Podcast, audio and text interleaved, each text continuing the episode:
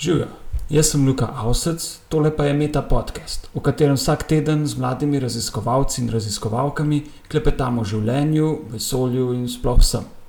Moji sogovorniki so znanstveniki, pred zaključkom doktorata z različnih področji znanosti.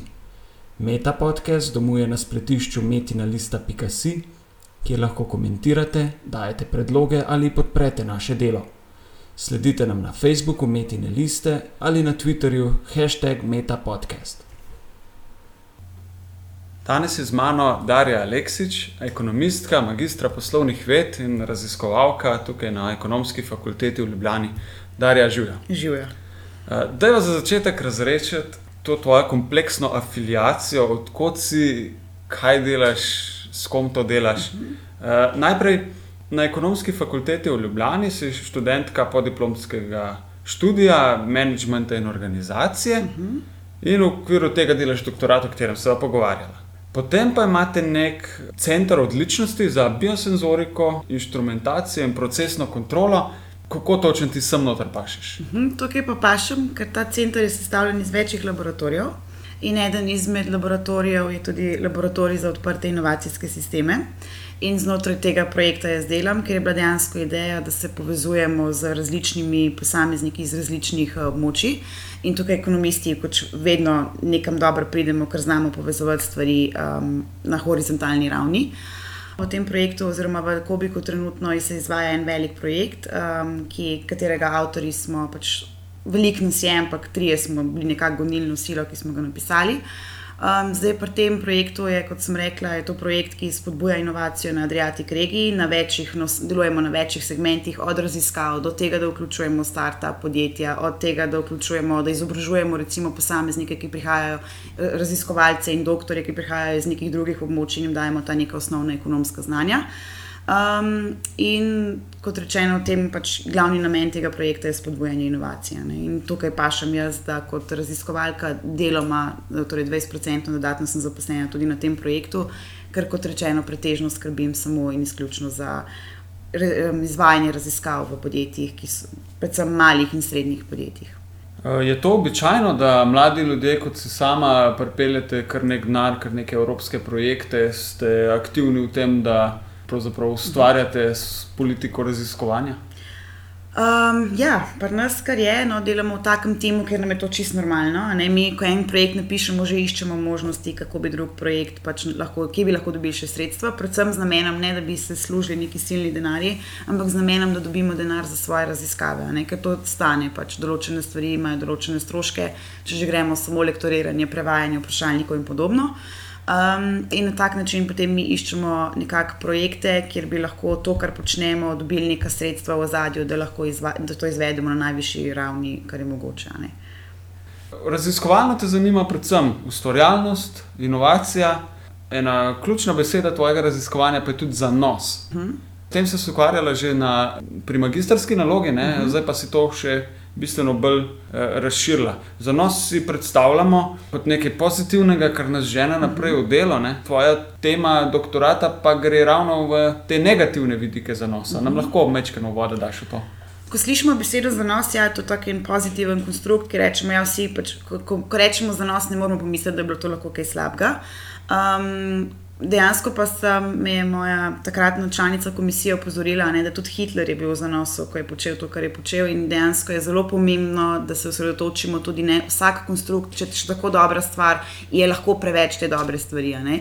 In mogoče samo za primerjavo, od, torej, ta zanos se je vzpostavil, teorija je postala od leta 1975, ne, je se, se je začela razvijati ta, ta beseda oziroma ta konstrukt. In od takrat do sedaj, mislim, da sem jih ravno delala pregled, sistematični pregled literature, povem, da je v, 100, v 200, 203 člankih, ki sem jih zasledila, identificirala in mogoče so tri članki omenili ta potencijalni negativni vidik. In gre predvsem ali v smeri odvisnosti, ali pa v smeri um, tega, da ne vidimo določenih etičnih dilem. Uh, in to je potem tudi predmet mojega doktorata, ker želim dokazati, da preden rečem, da super je v podjetju, moramo spodbujati ustvarjalnost uh, preko zanosa, da ugotovim, da kje je pa tista meja, ne, da ne bi pač šle stvari v napačno smer. Se pravi, ko smo v zanosu, je to nek tak uh, celosten občutek. Uh -huh. uh, ko smo popolnoma zauzeti, notranji motivirani. Ne? To je nekaj, kar si delodajalec, predstavljam, si to želi. Ne? Se pravi, da ne gre za neko rutinirano upravljanje nalog, ampak da so njegovi zaposleni eh, polno pri stvari. Ti pa eh, govoriš o tem, da se v bistvu pojavi omejenost zaradi te popolne osredotočenosti. Ne? Govoriš eh, celo o etični slepoti. Kaj je to? Etična slepota je dejansko um, ta naša začasna nezmožnost, da vidimo določeno etično dilemo ali pa etično vprašanje v situaciji, ko ga vidimo. Če pogledamo, to je podobno kot neki mrtvi koti v, v, v avtomobilu. Če vidimo, pogledamo, ko smo v mrtvem kotu, če ne, ne vidimo avtomobila, kljub temu, da on dejansko je tam. In enako je tudi tukaj, da zaradi določene osredotočenosti na neko situacijo, ko smo preveč res zatopljeni v to delo in ne vidimo te širine, lahko postanemo etično slepi. Torej, da v danem trenutku ne vidimo, da je neki sploh problem, kljub temu, da mogoče obstaja nekaj etičnega. Ali lahko daš kakšen primer, da se malo predstavljamo? Um, recimo, primer je, ravno ko si zdaj govoril, sem prišel na idejo, ne, da smo verjetno vsi, ko prihajamo iz določenih smeri, ne, smo zaslepljeni s svojo smerjo. Recimo, jaz zdaj konkretno že deset let študiram uh, na ekonomski fakulteti in se mi zdi, da ponovadi, ko se pogovarjamo interno med prijatelji, vedno mislimo, da je naš konj najboljši. Ne? Vsi drugi so tako, tako ne, tam nekje to ni dobro, ampak mi smo tisti, ki smo najboljši, ker smo res predani temu. In zato, pač, ker ne vidimo drugih, lahko hitro rečemo, ja, tam je pa tako lahko, tam je pa tako. In to je ta etična slepota, ker smo mi preveč zaljubljeni v to, kar počnemo, in smo preveč zaneseni s tem, kar, kar delamo, in verjamemo v to, da lahko začnemo do drugih biti malo bolj taki, kritični, za brezveze, da dejansko ne vidimo, da to ni dobro. Če pa pogledamo, recimo, konkretno v podjetju um, bi lahko bili zelo neetični, recimo, že do svojih uh, zaposlenih. Recimo, da smo mi zelo zatopljeni v svoje delo in pač pride nekdo in nas prosi za pomoč, in mu lahko rečemo, ne, ne morem ti pomagati, ker znam svoje delo. In pač je to neetično do svojih sodelavcev. Uh, recimo v doktoratu dokazujem tudi etiko uh, in zanos v delovnem kontekstu, predvsem z vidika deloholizma. Ne?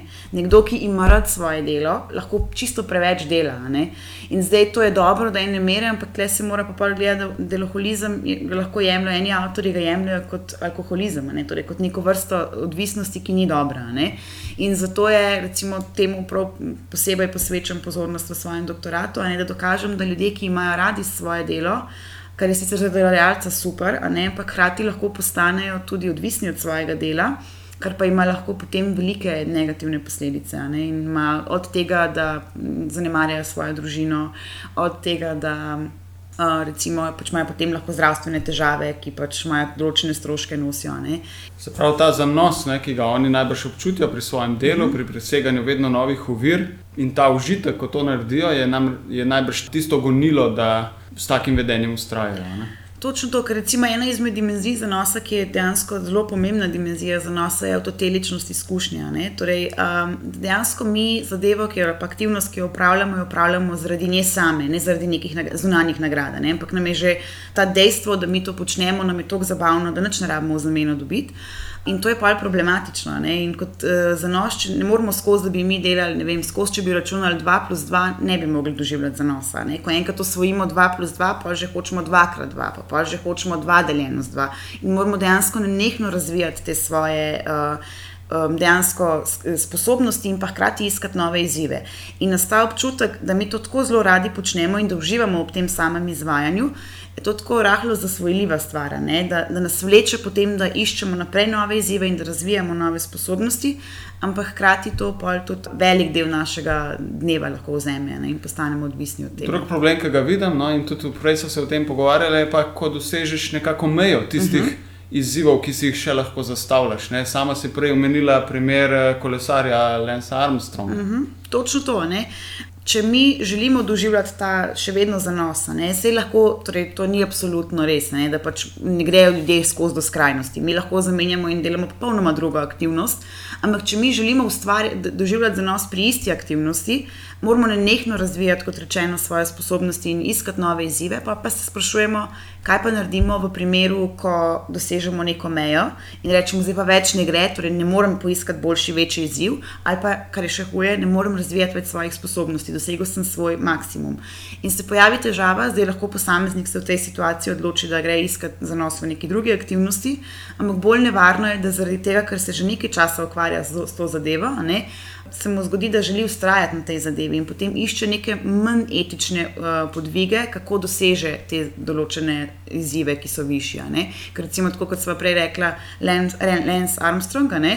Se sprašujemo, ali je on dosegel svoj maksimum in več ni mogel zmagovati z svojimi naravnimi fizičnimi zmogljivostmi, in je zato, ker pa vseeno je pa želel zmagovati in vseeno je želel, ker je užival v tem, kar je počel. Uh, um, je zaradi tega potem lahko pač posegal po dopingu, ne? ker mu je spet dalo možnost, da je šel, da je zmagoval, da je užival pri tem, kar je počel. In v svojem intervjuju on pravi, da je v njemu vzeti doping približno tako, kot da vzame bidonček z vodo. Ne? Torej, popolnoma odstranil ta etični vidik, oziroma neetični vidik vzemanja dopinga. To, je, to so te negativni vidiki zanosa, ki jih prečuješ pri svojem delu. Kako izgleda tvoj raziskovalni proces, kakšne metode uporabljaš, uh mhm. -huh. je, si zasnovala kakšne eksperimente, ankete, s katerimi to preverjaš? Uh -huh. uh, najprej na začetku sem mislila, da bi vse stvari preverila z eksperimenti.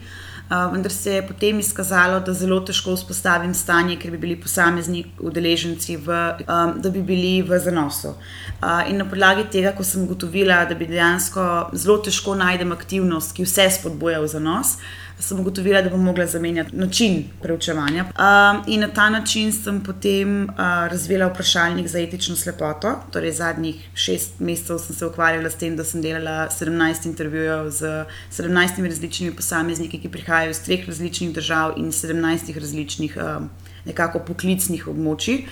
Um, na ta način sem potem identificirala, uh, dejansko, kako se dejansko ta etična slepota kaže v podjetjih. Ne? S pomočjo vprašanj smo prišli do tega, da ta pojav je prisoten v, v podjetju in so mi ga ti intervjuvenci nekako opisali. Tako da sem na podlagi tega lahko določila um, stavke, s katerimi bi lahko merili ta, ta pojav ne, v organizacijah. Se pravi, neko lestvico, neko lestvico tako, slepote, uh, na, začetek, tako, na začetku samo neke trditve, in potem za končni razvoj lestvice sem pa zbrala še tri različne um, zbore podatkov, torej trikrat sem še zbirala podatke, um, da sem jih potem v vsaki fazi testirala, statistično preverjala, ali so določena vprašanja zadovoljila določene statistične parametre.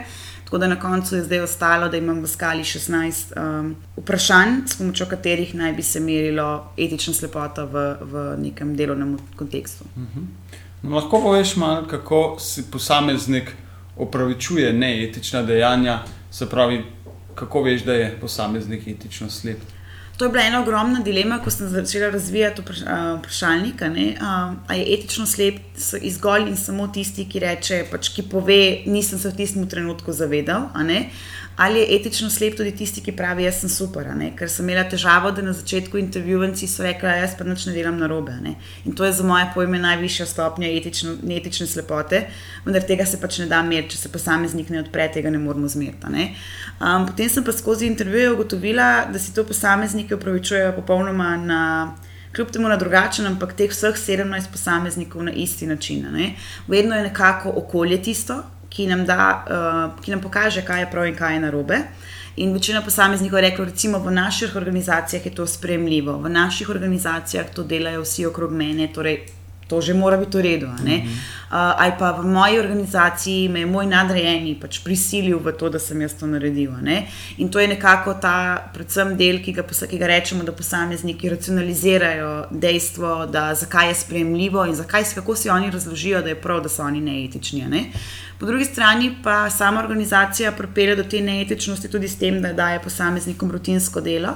To je dobro, da imamo čim več različnih aktivnosti, ker na ta način, ko preklapljamo med različnimi aktivnostmi, zmanjšamo verjetnost, da se v eno toliko fokusiramo in z eno tako rutiniziramo, da dejansko se pozabimo spraševati, kaj in kako se dogaja, ali je kaj prav ali ni prav. In pa ena stvar je pa še uh, ta, da posamezniki nimajo dovolj informacij. Da v določenih, če podjetje ne poskrbi, oziroma pristojni ne poskrbijo, da posameznik za določeno delovno mesto ima vse potrebne informacije, torej da pozna vsa pravila igre, da pozna vse zakone in pač ima potrebne izkušnje. Ga lahko na tak način, prav zaradi tega pomankanja, dejansko postane etično slep. Da pa še malo o deloholizmu. Uh mhm. -huh. Kako se ta pojav pravzaprav razvije? Kakšno delo je tisto, ki bolj pogosto pripelje do deloholizma in uh, kako recimo različne časovne perspektive vplivajo na to? Jaz bom povedala eno stališče. Ko, ko preučujemo človeka, vedno moramo definirati čim več stvari, da lahko trdimo, da je temu približno tako. Ampak konkretno v mojem raziskovanju se ukvarjam s tem, kako ljudje, ki imajo radi svoje delo, lahko sčasoma postanejo deloholiki. In se fokusiram predvsem na tiste, ki nekaj ena je, da imamo, imamo ene ljudi, ki so zaradi osebnih značilnosti lahko zasvoljivi. Um, jaz se s temi toliko ne ukvarjam, kot se ukvarjam, kot rečeno, s temi, ki pač imajo radi svoje delo in zato zelo radi delajo in zato pač jim ni problem biti cele dneve v službi. Mislim, da uh, vsi, ki delamo doktorat, če ga delamo vsaj približno radi, popolnoma razumejo, o čem govorim. Vsi ljudje, ki pač imajo radi svoje delo, ker um, ponovadi se hecamo, ne, da pač če delaš doma, oziroma če delaš, če svoje podjetje, da je to nekaj najlažjega, ker si sam svoj šef, pa po drugi strani, če to rad delaš, delaš 24 ur na dan. In točno to je bilo moje izhodišče. Ne. Jaz, recimo, kot doktorska študentka, rada delam to, kar delam in mi ni problem delati soboto, nedeljo. Jaz nikoli ne rečem, jaz pa delam na dure, sploh to ne vidim. Ne. Ampak v določeni točki, mogoče tudi zaradi trenutnih situacij, pač ker končujem doktorat, se mi zdi, da moj doktorat, torej moje delo in jaz z eno in isto. Ne.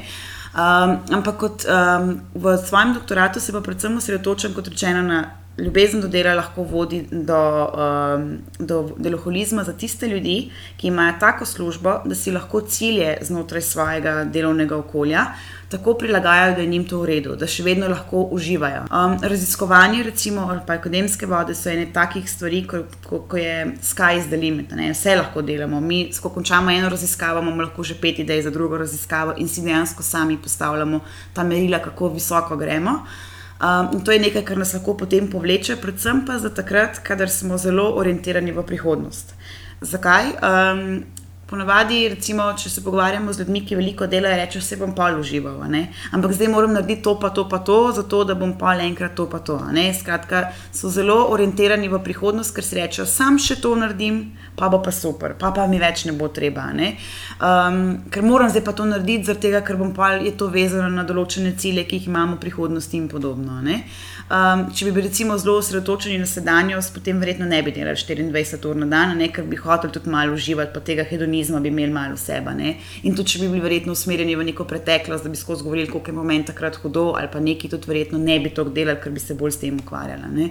Torej, to kombinacija, da zelo gledamo v prihodnost, da vedno gledamo, da danes že vemo, kaj bomo počeli jutri, um, je tisto, kar nas lahko zelo hitro povleče, da postanemo deloholiki še en tak negativen uh, vidik zanosa. Uh mhm. -huh. Kako se to sklapala v bistvu s uh, tvojim zanimanjem, ki ga imaš tudi sicer, uh, vezano na ustvarjalnost in inovacijo v podjetjih? Ne? Zdaj ta zanos je en bav, kot smo ga zdaj uh mhm. -huh. uspeli spoznati iz tvojega gledišča. Kako se to vendarle povezuje z inovacijo in ustvarjalnostjo? Uh, glavni avtori pač tega konstrukta pravijo, da če želimo biti ustvarjalni, da moramo se naučiti uživati pri tem, kar počnemo. Ker na ta način najprej se moramo uživati, da smo radovedni, in ko se naučimo, da, se, da, da, smo, da uživamo v tem, ko smo radovedni, potem iščemo na nekaj nove stvari. In tako kot sem prej govorila o, o tem, da pri, pri, če želimo na nekaj doživljati za nos, moramo iskati nove izzive. Novi izzivi so pa ponavadi povezani z ustvarjalnostjo, ne? da pač moramo biti ustvarjalni, da vidimo nekaj novega, kar hočemo delati stvari, ki jih radi počnemo, ki, v katerih uživamo, imamo vedno neke nove ideje. Recimo, čisto konkretno, če zbanaliziram zadevo. Vsi radi žuramo in zato vedno, ko gremo na žur, iščemo, vsak žur je čisto drugačen, ne? zato ker nam je to zabavno in hočemo nekaj novega. Ne? Um, in tukaj je uh, ustvarjalnost in uh, dejansko um, uh, in zanos greste z roko v roki, ker tudi zanos spodbuja pozitivne učinke, spodbuja raziskovalno vedenje. Um, zaposleni oziroma posamezniki na splošno so bolj srečni, če so v zanosu in to to so vse stvari, ki pozitivno vplivajo na ustvarjalnost. In... Se pravi, rešitev, ki jaz vidim, je nekako tako: biti v popolnem zanosu 8 ur na dan, potem pa nujno domov. To je skoraj nemogoče, ne? to bi bilo idealno, ne? A, ampak ne mogoče je zato, ker vse to, kar govorimo, recimo vedno, ko predavamo za nos, je to tako, da izpade kot neka sekta. Be happy, be happy. Ne? To ne moramo skozi doživljati. Če to doživljamo večkrat dnevno, smo super. Ne, ne moramo pa biti 8 ur, nemogoče, fizično je nemogoče. Ne? A, ampak pomembno je, da te občutke doživljamo. Je pa res, ja, točno to, da se znamo ustaviti v določenem trenutku in da rečemo, še so druge pomembne stvari. In jaz osebno vidim dovolj enostavno rešitev pri tem, da se nekno si ponavljamo, da lahko uživamo, torej da iščemo za nas tudi v nekih privatnih sferah, ne? da se ne osredotočamo za nas samo v delovnem kontekstu, ampak da znamo uživati povsod, ne, ne samo v službi. Uh, je pa služba najpogostejši uh, ver zanosa pri odraslem osebi, ker nam daje ne? daj nam neke izzive, daje nam neke sposobnosti, doma moramo to Dokaj sami. jasne nagrade. Dokaj jasne nagrade, ampak kot rečeno, v zanosu nagrada niti ni tako pomembna, ker je že sama izvedba te aktivnosti tako ok. Ampak doma, ko smo pa doma, si moramo pa sami postavljati te izzive, ne, ne, ne daje teh izzivov okolje in zato mogoče kdaj se zdi, kot da doma, če da večkrat ležimo pred televizijo ali pa smo zelo pasivni, ne, ne moramo doživljati zanosa, ne, tudi moramo kakšno aktivnost izvajati. In kot rečeno, bi bilo dobro, če bi doživljali skozi zanos, ampak da bi znali reči, da bomo pa malo to doma doživljali, malo pa v službi, ne, čistko zbanalizirano. Odlična zaključna misel. Mehano še teh zanosih v tvojem prostem času, prek teh vprašanj, ki jih eh, vprašam vsakega sogovornika. Ponovadi začnem s tem, katere nam znane ali pa neznane osebe bi povabila k sebi na večerjo, eh, če ne bi bilo nobenih omejitev. Če ne bi bilo nobenih omejitev, um, omejitve so v moji glavi že, ne, jaz dejansko zelo slabo kuham, tako da še svoje prijatelje ne vabim na večerjo, ampak jih ponovadi peljem na večerjo. In tudi um, z njimi bi najraje no večerjala, ne bi tako vabila, zelo se trudim, da ločim uh, poslovno sfero. Tako, nisem še, moram osebo najprej zelo dobro spoznati, da jo povabim k sebi domov. Tako da težko vam dam imena, razen svojih prijateljev. Uh, če bi podedovala 15 hektarov zemlje, kaj bi znal? To vprašanje mi je dalo prav ne. Odvisno, kakšna bi bila čustvena vrednost, oziroma kakšna bi bila čustvena navezanost na to zemljo. V primeru, da tisti, ki jo je podedoval, podedoval da ne bi imel nikakršne čustvene navezanosti na to, bi vse po vsej verjetnosti to prodala in pa si kupila nekaj, kar rabim trenutno v življenju. Če je bila pa neka čustvena navezanost, ne, ker recimo moj oče zelo ljubi zemljo in mislim, da nič njegovega ne bi mogla prodati, ker vem, koliko ima on to rad. Bi pa to verjetno ali zasadila neka drevesa, da bi rasla, ali bi pa dala nekomu pač v najem, da, da dela s to zemljo, da jo obdeluje. Ti je lažje izbrati najljubše živo bitje ali najljubše umetniško delo? Definitivno in izključno živo bitje. Okay, a kakšno konkretno, kakšna vrsta ti je blizu ali kakšno konkretno bitje? Jaz Pa ne sme zelo- biti fanta, ne.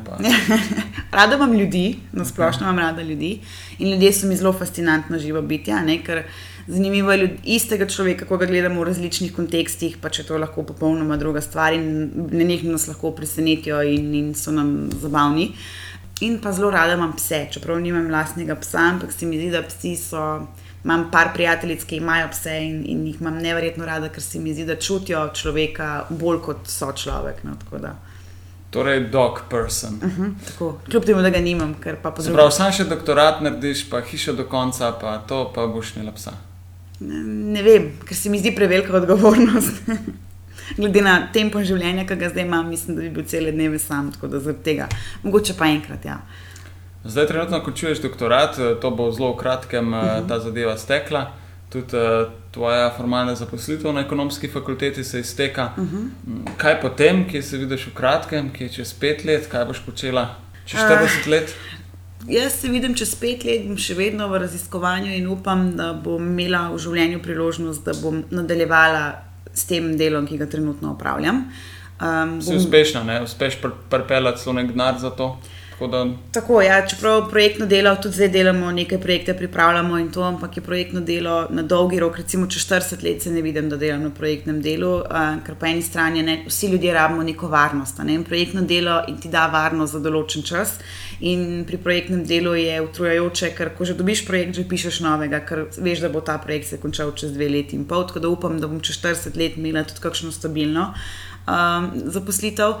Vsekakor bom pa, po moje, celo življenje tako zelo aktivna in me bo povsod dovolj. a ne. Tako da- No, med drugim ste pred kratkim ustanovili tudi eh, Društvo za poslovno etiko. Nam poveš malo o tem? To je pa društvo, um, kjer smo se zbrali določena skupina zelo zanimiv, zanimivih in pestrih ljudi. Mladih? Uh, uh, mladih, starejših, torej iz vseh starostnih skupin, iz različnih področji. Uh, in naš namen je dejansko tega društva za poslovno etiko in etično voditeljstvo, je predvsem to, da se začne, začnemo v Sloveniji pogovarjati o etičnih stvarih. Težava, ki jo vidimo, je to, da je etika pri nas še vedno tabu. Ne? Um, neko, posameznike lahko marsikaj vprašamo, ampak ko jih pa sprašujemo o njihovih dejanjih, ne, ki niso bila mogoče tako dobra, si pa kar še to ne upamo priznati. In um, vsi člani društva smo pripričani, da to je zato, ker se premalo pojavljamo um, ker premalo silimo ljudi, da pač govorijo o tem in ne razbijamo teh tabujev. In mi se zdaj trudimo, da imamo 10. junija imamo konferenco, um, fil konferenco, mislim, da je zdaj že par let se izvaja to, ker vsako leto izberemo eno temo in povabimo tako znanstvenike, kot tudi ljudi iz prakse, da nam povejo um, svoje stališče na določeno tematiko. In letos smo tudi um, oblikovali um, tečaj oziroma razpis za e, najboljšega etičnega, etične, etičnega voditelja oziroma najboljše etične prakse. V podjetjih. v podjetjih. In trenutno se je pojavilo, prijavilo sedem podjetij. Um, ki zdaj so pač oddali določeno dokumentacijo, in zdaj konec meseca bomo šli v ta podjetja, um, skupina strokovnjakov, kjer bo ugotavljala, če je to, kar so povedali, res, oziroma da dobimo neke upoglede, kako to v podjetju funkcionira. Se pravi, naravnani ste na pozitivne zgodbe, tako, na dobre prakse. Uh, tako mi želimo predvsem spodbujati, ne, ker etika je zelo um, težka stvar za komunicirati. Um, ponavadi je, ko nekdo odpre to vprašanje etičnosti, ne se tako vprašajo, kdo si pa ti, da mi boš ti to govoril, ne a si ti pa čist popoln. Uh, mi pa želimo pokazati predvsem to pozitivno naravnanost, ker tudi raziskave kažejo, da če predstavljamo dobre prakse, s tem delamo bolj, kot pa če blatimo ljudi. In, In zato smo se osredotočili na predvsem pozitiven vidik in bomo dobre izbrali zglede. tako dobre zglede. bomo zbrali in dejansko bomo um, tudi na konferenci predstavili te dobre primere. Ena izmed kriterijev je tudi prenosljivost, tako da bo publika lahko dobila mogoče tudi idejo za, za prenos določenih praks v svoje podjetja. Ne? Eh, nam daš še dober zgled za knjigo, film ali igro, ki si jo uh -huh. jih použila v zadnjem času? Ena najboljših knjig, ki sem jih prebrala v zadnjem času, čeprav res zelo malo berem, ker berem to profesionalno, da pač težko berem, a ne že kaj za zase. Uh, je bila Nova Zemlja. Uh, mislim, da bi si jo vsak mogel prebrati, ker ta knjiga govori, uh, malo je težka za brati, ker se moramo skozi sprašovati, kako pa kaj, ampak govori o tem, kako nas skozi življenje vodi ego in zato moramo biti pozorni, da ga premagamo. Uh, Predstavo pa zdaj res je že zelo dolgo nisem pogledala iz istega razloga. Grem pa v ponedeljek na predstavo, eno improvizirano gledališko predstavo, me je povabil en študent, tako da vam lahko potem mogoče naknadno povem, je bila dobra ali ni bila dobra. Študenti se kar družiš, ne? sploh zdaj, eh, ko se zaključuje študijsko leto, saj ta redni del, ne, uh mhm. -huh. veliko teh vaj, eh, seminarskih uh -huh. nalog in tega. Ti je všeč pedagoško delo? Jaz neizmerno uživam v delu študenti, zato ker je, vidim to, oni se učijo od mene, jaz se pa ogromno učim od njih. Uh, in ta interakcija z njimi, sploh, kadar, so, kadar jih uspeš navdušiti nad nečem, pa ne zato, da bi jih zdaj, da bi jim pravili možgane, ampak ko vidiš, da jih znaš zaktivirati, je to nekaj zelo lepega. Uh, in čisto, če povem eno osebno zgodbo. Uh, lani je en študent prišel do mene in me prosil, če lahko ne predstavlja seminarske, ne, ker ima on hud strah do tega, da javno nastopa. Ne. In sem jaz, kot vsak pedagog, rekla, da to se pač mora, da te kolega iti čez ta strah. Ne, to je zelo pomembno v življenju. Boste mogli predstavljati svojemu nadrejenemu, mogli boste komunicirati z drugimi in je zelo pomembno, da, da osvojite to veščino. Na kar potem, ko je študent šel, sem pa jaz šla domov in sem se odpeljala s taksijem domov. Kljub temu, da imam vozniško že zdaj deset let, a ne devet let nisem vozila, zato ker sem imela ogromen strah, da bom na cesti nekoga zbila.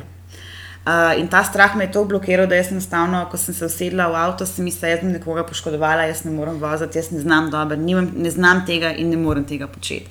No, in potem, ko sem se pelala domov s taksi, sem se zamislila, kako sem hinavka. Ne, tam, ker pač meni ni problem javno nastopati, ne, tam študentu solim pametno in se soočam s svojimi strahovi, um, sama pa bežim od svojih strahov. In sem potem naslednji dan poklicala svoje starše, če mi lahko nabavijo nek star avto. In zdaj moram ponosno reči, da zaradi tega študenta, oziroma zaradi te situacije, v katero me je on postavil, jaz že eno leto vozim. Ne. Tako da to je res se ogromno od njih naučim um, in zato uživam v delu z ljudmi, nasplošno študenti, pa so zelo specifična skupina ljudi in tudi je zelo zanimivo. No. Darja, si želiš več prostega časa, kot ga imaš zdaj in kaj bi z njim? Malo več, ne bistveno več, ampak malo več. Um, z njimi predvsem to, da bi se več družila, ker zdaj so vsi ljudje, ki so meni najbližje, torej od prijateljev, staršev in, in še ožjega kroga mojih najbližjih. So nekako postavljeni na stranski ter, ker si vedno rečem, vi mene razumete, zdaj moram to, zdaj moram to, zdaj moram to, in pač da nimam časa za njih. Um, Tisti malo več časa, ki bi ga imela, bi ga njim namenila.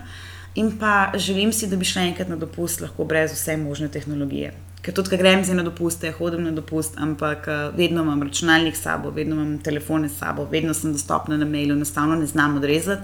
In bi želela res, da bi šla nekam za deset dni, brez vse tehnologije in to bom naredila prva stvar, ko dam doktorat. Samo še to. Ne? Samo še to. Pravi, malo več uh, zanosa v privatnem življenju. Tako, točno tako. Darja, Aleksič, hvala za pogovor. Hvala vam. Poslušali ste Meta podcast.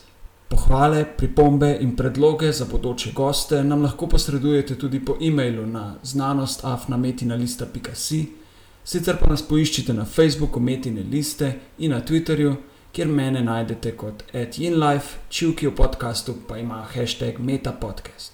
Vse oddaje s povezavami na domače branje so doma na spletnem portalu metina.si, kjer lahko ta projekt tudi finančno podprete. Hvala in naslišanje prihodnjič.